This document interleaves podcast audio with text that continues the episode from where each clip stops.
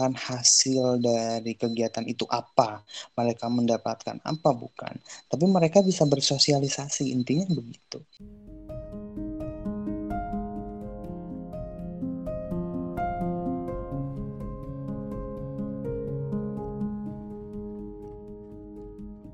Di Pejuang Kebaikan kali ini, gue akan memperkenalkan sebuah lembaga yang concernnya ke pelatihan keterampilan untuk disabilitas. Gue kali ini nggak sendirian tentunya. Gue saat ini bareng sama Rizky. Dia adalah pengajar di Yayasan Humaniora Indonesia.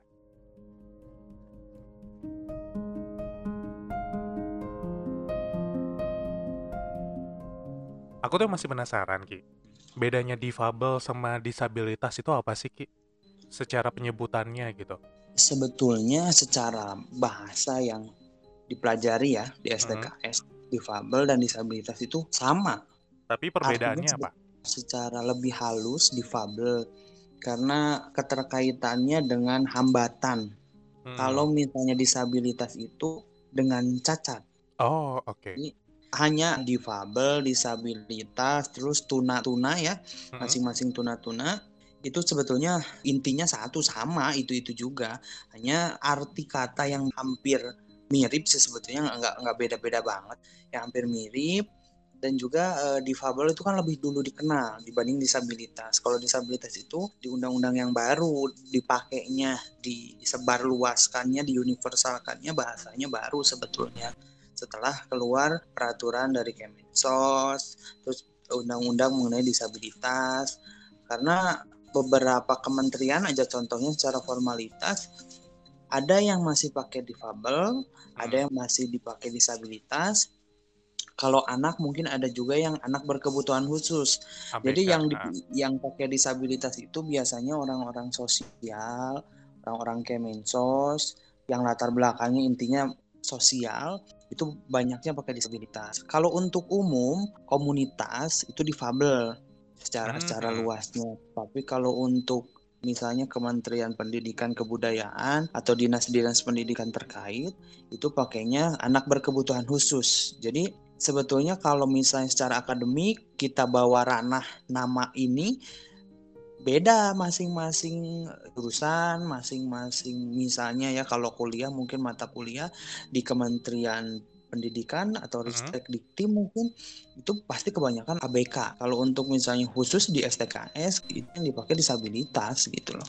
Dan hmm. sekarang sudah sudah mulai di inikannya bahasanya disabilitas karena eh, keterkaitan dengan undang-undang. Sebetulnya pengertiannya sama itu-itu aja. Oh. Hanya bahasa mungkin lebih halus banyaknya pakainya difabel gitu. Oh, jadi itu lebih ke lama penyebutannya gitu. Awalnya difabel karena itu serapan dari bahasa Inggris gitu. Terus abis itu peraturan eh, dari Kemensos itu nyebut jadi disabilitas. Betul. Oh, oke. Okay. Oke, okay, lanjut Ki. Kan aku masih awam ya nih Ki. Dan aku juga baru tahu ternyata Humaniora itu sebuah yayasan setelah kepo-kepo sih tadi.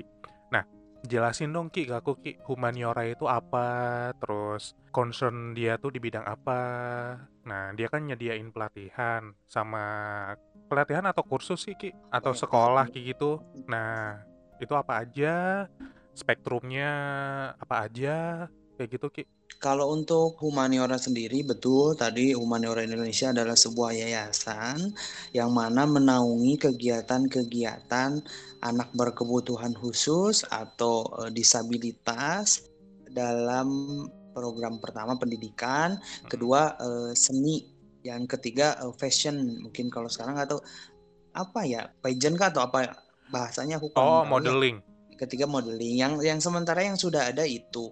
Yang keempat mungkin nanti akan ada khusus untuk seni kerajinan, kerajinan tangan dari anak-anak.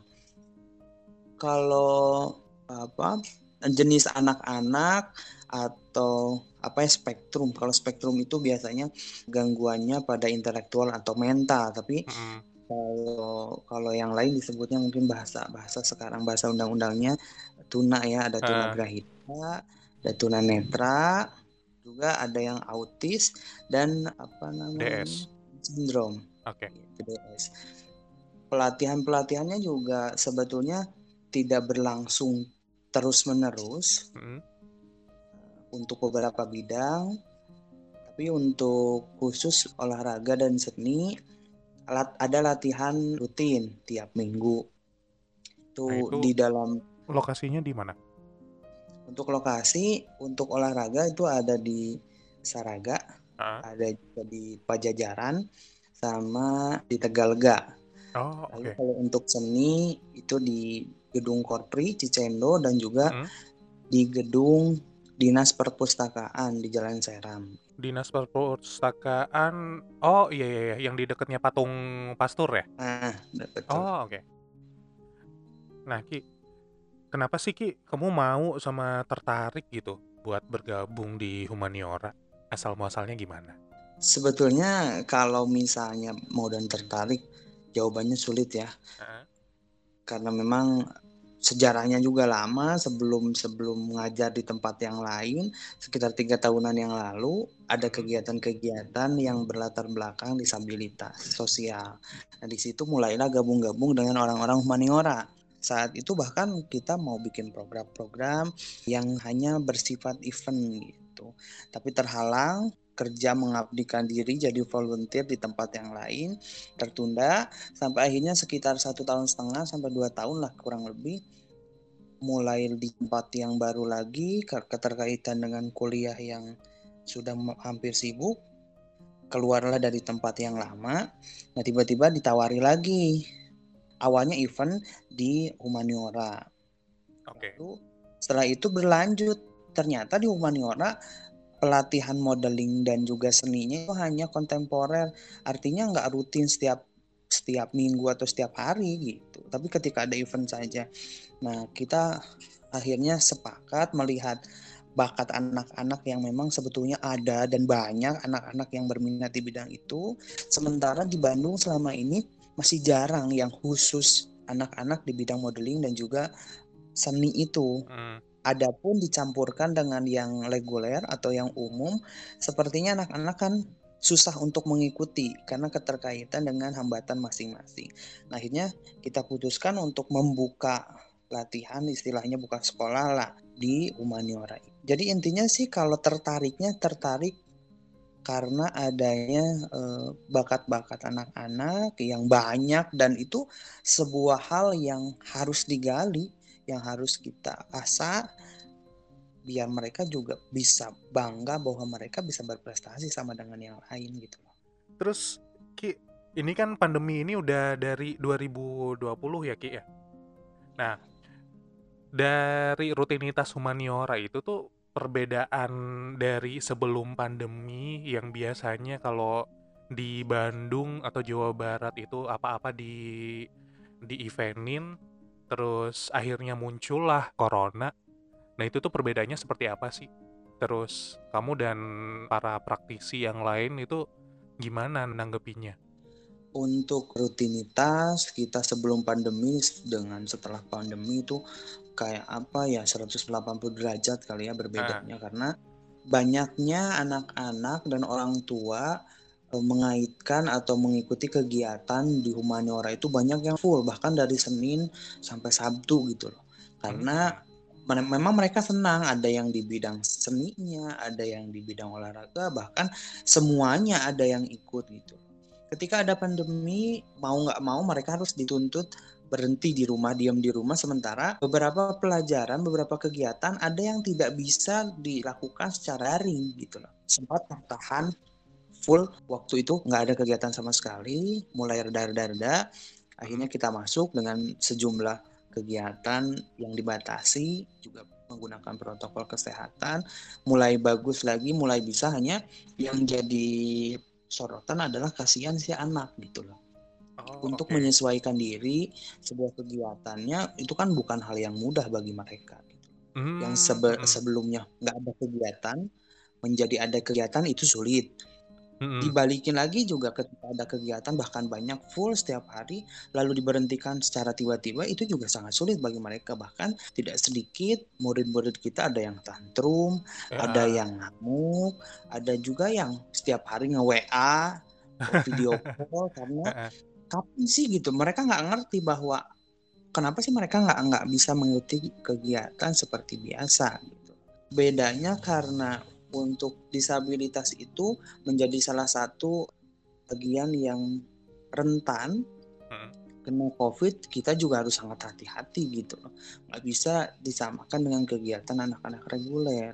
Akhirnya ya tadi balik lagi daripada kita terjadi apa-apa ya udah jaga-jaga kita stop dulu.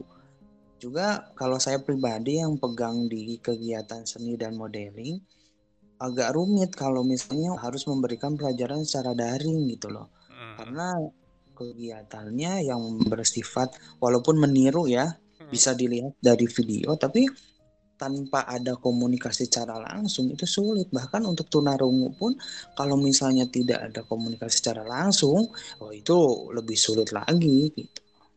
Terus ini kan seenggaknya kan ada gimana ya nyebutnya? mereka itu pada kaget karena muncul coronavirus. Nah, gimana sih cara kamu sama teman-teman yang lain buat kerjasama sama orang tuanya itu buat ngasih tahu ini loh ini ada covid kita harus menjaga jarak kita harus ngurangin kerumunan. Itu gimana sih? Satu-satunya mungkin dikomunikasikan kepada anak bahwa dijelaskan secara rinci bahwa kegiatannya seperti ini dan dilakukan secara berulang ya. Nah, mereka tuh kebanyakan tidak bisa memahami hal yang baru hanya satu kali dua kali pembicaraan. Selalu diingatkan ketika latihan di masa pandemi juga diingatkan tolong jaga jarak ya ini itu ini itu. Walaupun memang ya sulit karena kebiasaan mereka. Walaupun mereka dengan keterbatasan mereka juga kan berinteraksi satu sama lain gitu loh. Saling salaman, saling pegang dan lain sebagainya. Kita harus pinter-pinter kerjasama sama orang tua plus ketika latihan kita langsung atur sendiri kasih jarak mereka dan hmm. sedikitnya ada pemahaman yang masuk pada mereka gitu loh. Oh, ternyata di pandemi ini tidak sebebas kegiatan-kegiatan sebelumnya. Walaupun jujur itu sulit dan juga bagi anak-anak itu hal yang sangat aneh gitu. Oh, Oke, okay. Kalau kuduga pasti yang biasanya tiap hari nge-WhatsApp itu yang autis sama yang DS, bukan? Hmm, ya, betul. Maaf. Tapi ada juga sih yang rungu, yang yang artinya komunikasinya juga uh-huh. mereka bagus semua. Walaupun memang eh, spektrum autis yang paling susah untuk iya, menerima uh-uh. perubahan. Tapi untuk yang lain juga sama. Awal-awal ya aneh mereka kenapa sih kok seperti dikekang banget gitu. Uh-huh. Oh, oke. Okay. Kalau dari sisi olahraga nih, Ki, kan aku sempat kepo-kepo tadi di Google. Jadi ini para disabilitas ini, ini tuh ada yang dipersiapkan untuk Porda. Sampai ada, aku sempat kepo kayaknya ada yang sampai ke Paralimpik ya Ki ya? Iya nggak sih? Iya. Nah, prestasi yang kamu inget tuh apa aja sih Ki? Kalau dilihat memang betul kegiatan-kegiatan dari mulai Porda sampai internasional. Kalau tidak salah kemarin ada ASEAN Autism atletik uh. uh, khusus untuk autis di Asia Tenggara juga ada anak kita yang juara. Terus untuk kejuaraan internasional juga ada kejuaraan atletik di Qatar kalau nggak salah. Uh -huh. Kita juga dapat juara. Jadi kalau untuk berbicara perlombaan-perlombaan ini jelas mereka juga setingkat dengan yang reguler. Banyak sekali kegiatan-kegiatan yang bersifat perlombaan dan alhamdulillah mereka sudah punya prestasi di bidang Oh, oke. Nah, kalau dari sisi keterampilannya nih, ini kan ada modeling, terus aku sempat kepo juga ada kelas make up juga. Ini tuh event yang udah diikutin sama teman-teman dari Humaniora tuh apa aja sih, Ki? Untuk sejauh ini kegiatan di luar olahraga kali ya, di luar hmm. olahraga, terutama di modeling dan juga make up itu hanya sebatas di pelatihan bagi mereka. Okay. Uh.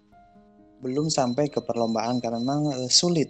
Sulit itu banyak mungkin panitia yang tidak terima dan hmm. tidak mengerti kekurangan mereka gitu. Walaupun sebetulnya tidak ada masalah, menurut saya nggak ada masalah.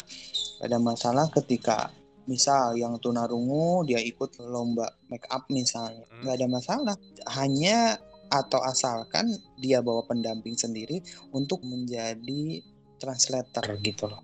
Oh, oke. Okay.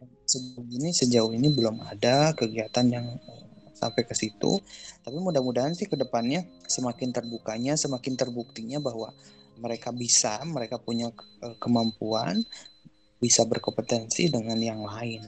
Kalau yang dulu, yang event yang di Husen, kan sempat ada tuh yang di hanggarnya Husen. Nah itu tuh kolaborasinya kayak gimana sih Ki antara Humaniora sama uh, Shiny School kayak gitu Ki? Ya uh, dulu dari Humaniora atau di nama-nama di bidang seni dan modelingnya itu Shiny School kita hmm. diminta untuk menampilkan anak-anak yang sudah biasa latihan modeling dalam kegiatan pameran Festival Baju dari Batam. Oh, dari Batam. Jadi, dari Batam waktu itu oh, dan okay. bersifat Eh, nasional. Mm-hmm. Jadi ada beberapa perwakilan uh, desainer dari masing-masing provinsi kalau tidak salah. Dan masing-masing pulau lah minimal masing-masing pulau ada waktu itu. Kita diminta uh, kolaborasi dengan yang reguler. Jadi ada juga yang reguler, ada juga yang uh, disabilitas dari kita dari Science School dari Humaniora. Bentuk kerjasama yang luar biasa yang intinya sih bukan hasil dari kegiatan itu apa mereka mendapatkan apa bukan. Tapi mereka bisa bersosialisasi intinya begitu. Bukan hmm. yang dicari itu bukan mereka bisa lebih unggul atau lebih jauh lagi mereka dibayar dan mereka profesional. Itu memang memang iya gitu salah kan? satu hasil harapan itu kan.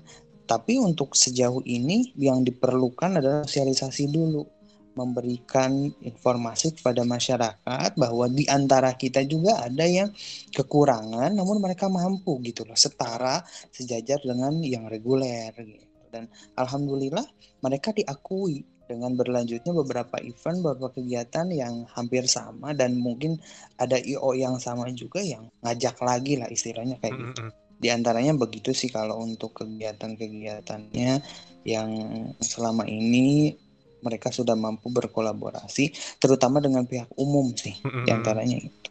Oke. Nah, sekarang kan juga masih ada case ya. Jadi para disabilitas ini tuh kurang mampu gitu, terus dia tuh nggak punya kelengkapan yang ngedukung gitu loh Ki. Nah, gimana sih approach-nya Humaniora ke mereka gitu buat ngebantu mereka yang pengen ikut tapi mereka kurang mampu gitu loh Ki? Paling sorotan utama di kita sih masalah ekonomi ya. Mm-hmm. Karena misalnya sewilayah Bandung itu luas, sementara kita latihan hanya ada di daerah Cicendo, perlu adanya transportasi. Mm-hmm.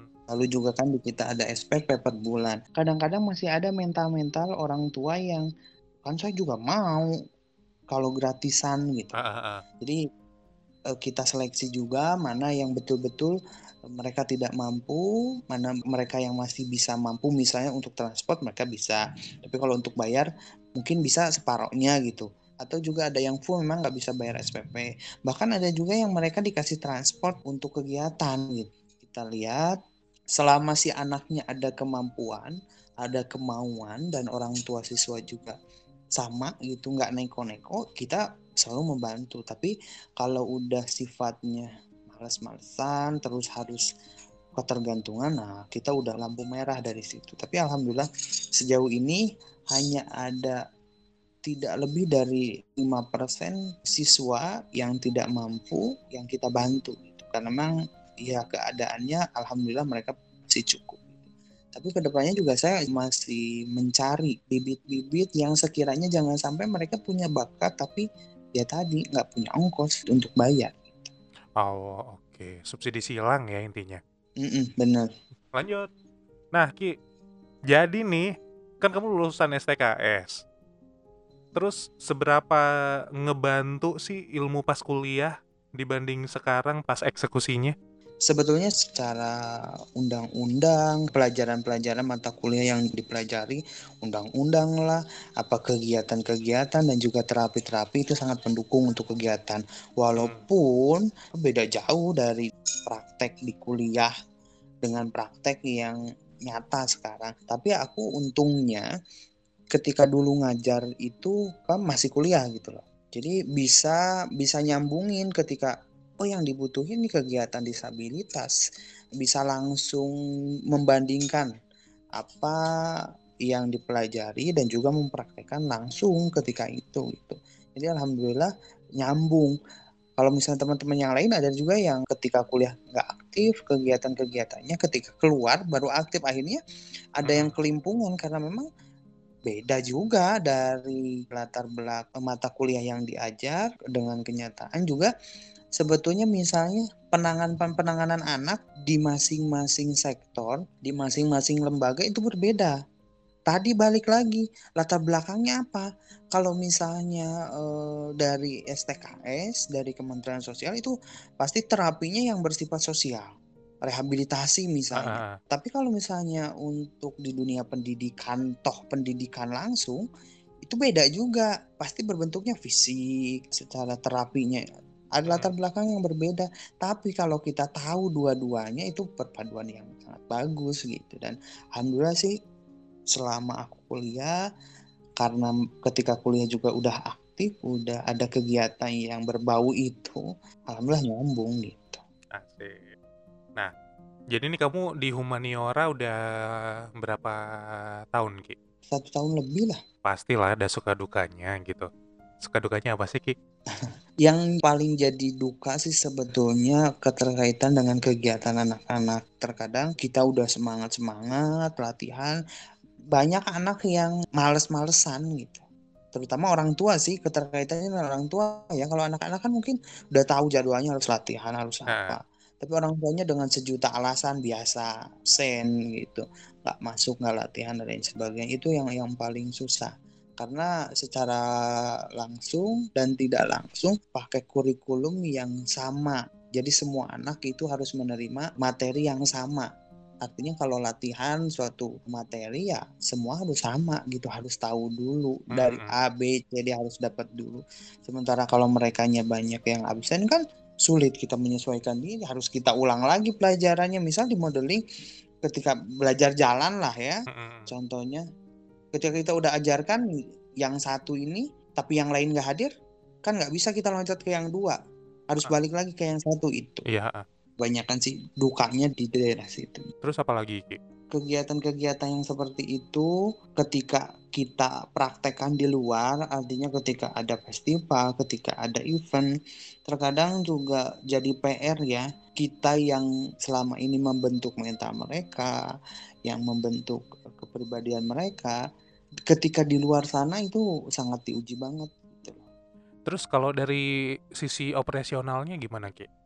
ya kita tahu kan itu humaniora itu yayasan terus mungkin dari sisi funding kayak gitu mungkin ada karena harus nurut sama uh, donaturnya terus ada regulasi khusus atau gimana gitu Ki ada nggak secara regulasi sih uh, misalnya keuangan ya. Uh-uh. keuangan sangat bergantung dengan uh, orang tua yang mampu. Uh-uh ketika telat bayar lah istilahnya telat bayar orang tua gitu kan. Itu jadi PR banget juga buat kita. Kita sih yang mengelola bisa paham ya biasa tiap bulan ada telatnya. Tapi kan kalau untuk guru-guru yang lain kasihan jadinya gitu. Sementara ini juga untuk operasional kita tidak ada donatur yang tetap. Hanya event sesekali itu pun karena yang menjadi fokus di awal ini kita nggak nggak ke arah situ bukan kita nggak perlu. Bukan kita naif juga cuman ada hal yang lebih penting lagi bagi kita buat negara selain ke arah situ. Mungkin kalau ke depannya kalau anak-anak udah siap skillnya udah bisa teratur latihannya bisa ke arah situ. Tapi sejauh ini jadi hambatan juga sih akhirnya ya para guru para tutor yang berkorban sukanya dong Ki tadi kan duka tuh sekarang sukanya apa dong Ya kalau sukanya banyak juga ya. Hmm. Ketika kita ngasih materi dan juga si anak itu berhasil istilahnya nerima nyerap ilmu dari kita juga luar biasa. Ketika ada event minimal, apalagi misalnya perlombaan, mereka bisa menang, mereka bisa sukses tampil walaupun dengan sejuta drama gitu, itu luar biasa. Bahagia bagi kita ketika latihan kadang-kadang ada anak yang terlihat males-malesan gitu sama sekali mereka dianggap ya kayaknya dia nggak bisa deh gitu. tapi kalau udah di panggung misalnya untuk modeling itu jiwa jiwa artis mereka udah keluar udah kita Asik. udah nggak repot lagi uh -uh. akhirnya udah biasa kalau misalnya latihan mereka banyak yang rewel dan malas-malesan gitu udahlah ntar kalau udah di panggung bagus kok tapi alhamdulillah sejauh ini begitu juga untuk latihan-latihan yang lain misalnya olahraga hmm. ya sebuah sebuah kesenangan tersendiri ya kebahagiaan tersendiri bagi tutor atau guru ketika melihat anaknya sukses bukan hanya dia juara tapi sudah bisa mengikuti kegiatan dengan lancar pun itu luar biasa. Oh oke. Okay. Tapi sering nggak sih kalau anak-anak gitu pada mace gitu pas sebelum naik panggung tuh mereka udah pada takut gitu? Iyalah sama. Kan mereka juga punya nervous kadang-kadang deg-degan juga. Mereka juga sama. Hanya mungkin mereka tidak mengungkapkan ya hmm. bahwa eh gue juga deg-degan loh gitu. Takut loh gitu. Sama. Ada yang rewel ada yang malah dulu sempat ada tuh uh, viral anak autis yang capek ikut lomba malah jadi bulian masyarakat juga. Dulu ada yang hal yang biasa sih. Kita pun deg-degan. Hanya mereka nggak bisa mengekspresikan. Akhirnya ya tadi larinya jadi macet lah jadi tantrum lah gitu. Oke Ki lanjut Ki. Niki kamu kan ya. tenaga pengajar ya Ki ya.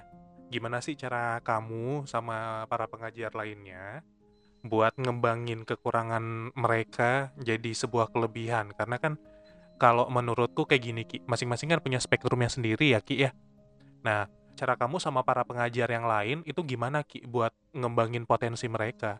Ya kan masing-masing orang beda, cara nyetelnya tuh gimana?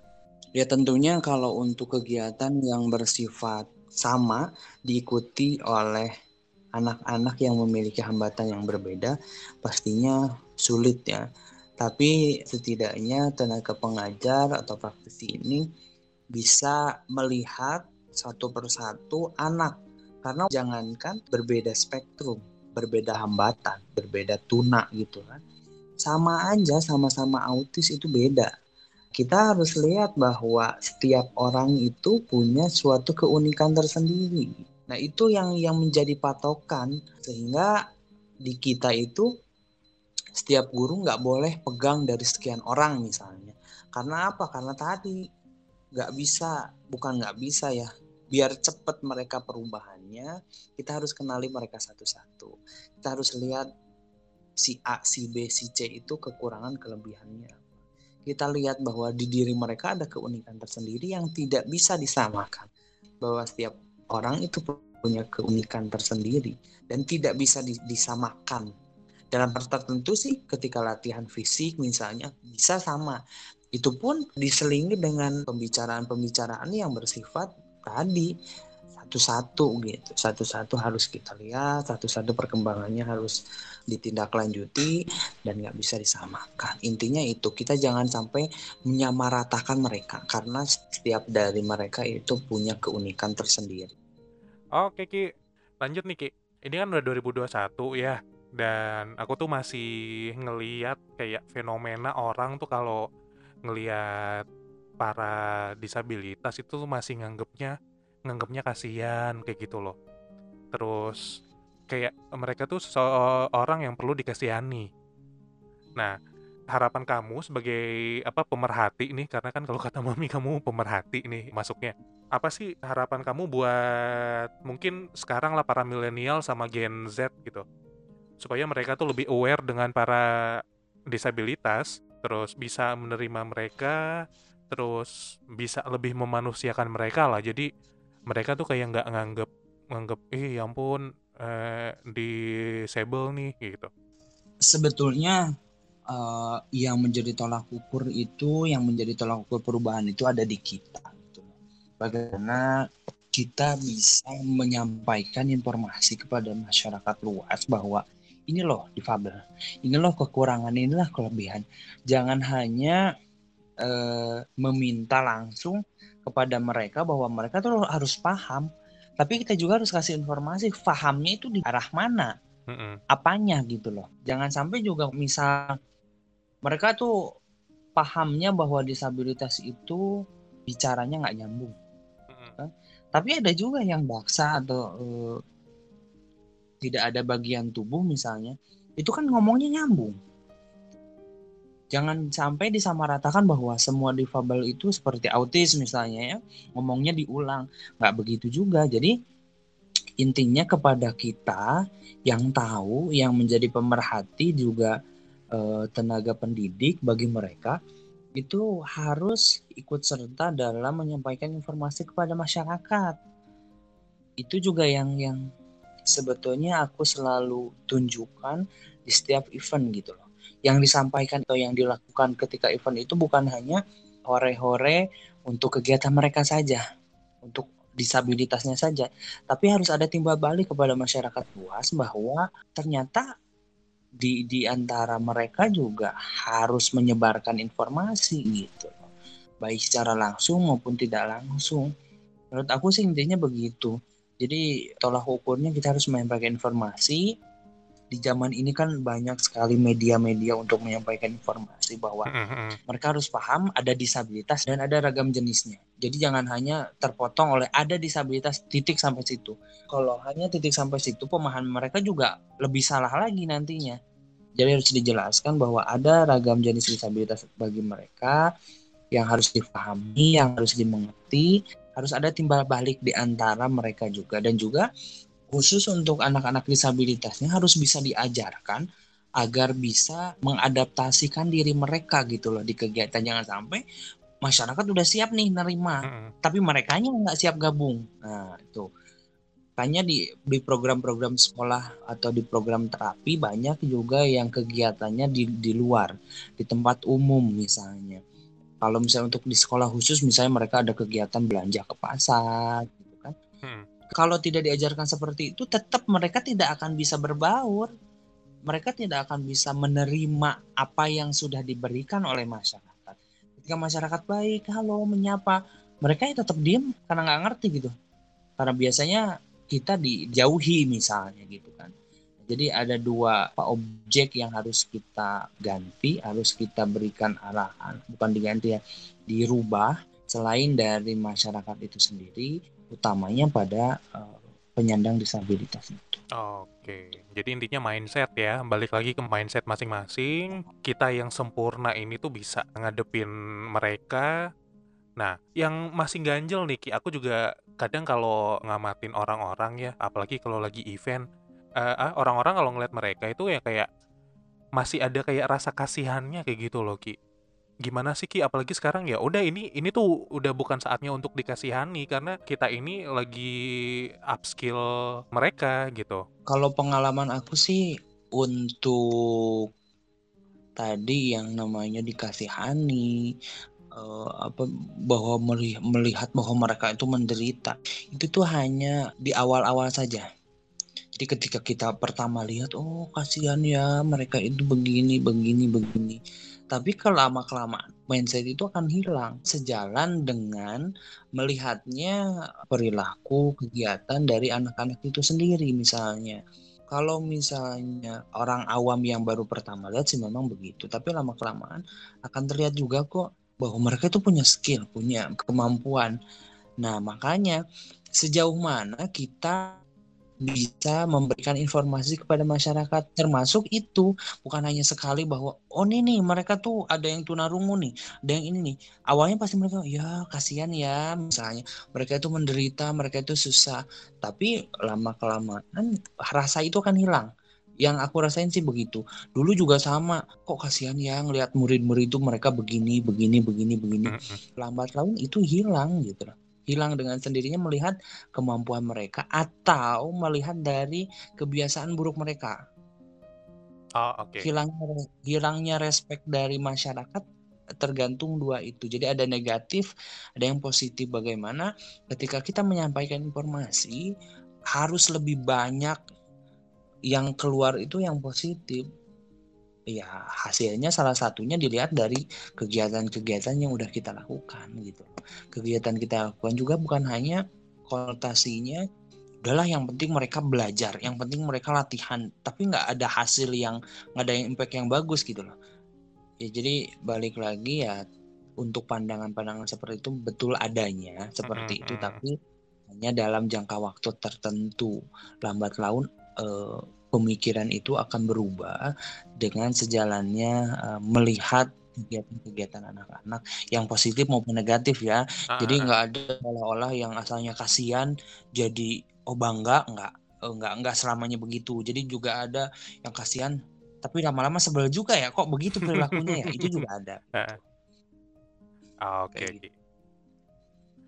Terus ini buat yang ada di sekitar Bandung Raya, kalau misal mau join nih, join di Humaniora itu gimana Ki? Uh, paling mudah sih bisa lihat kegiatan-kegiatan kita di Instagram di. Humaniora Indonesia atau juga di Chinese School Bandung. Chinese School Bandung.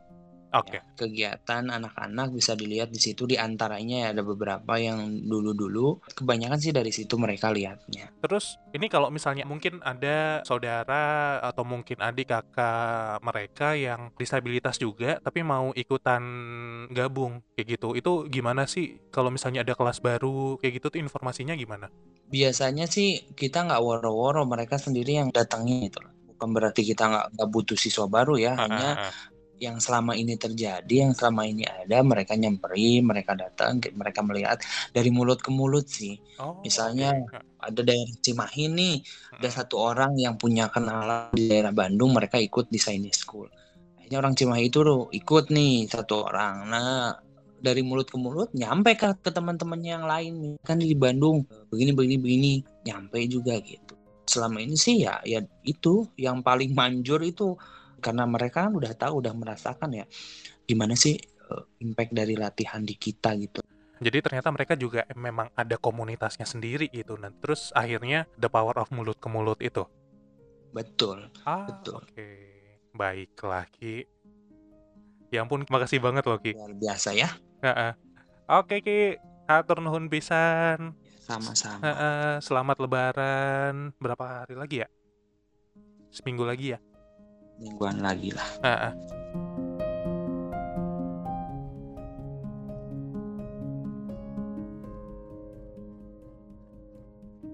Nah, buat kamu yang mau kepo-kepo tentang apa itu Yayasan Humaniora Indonesia, terus gimana rutinitasnya.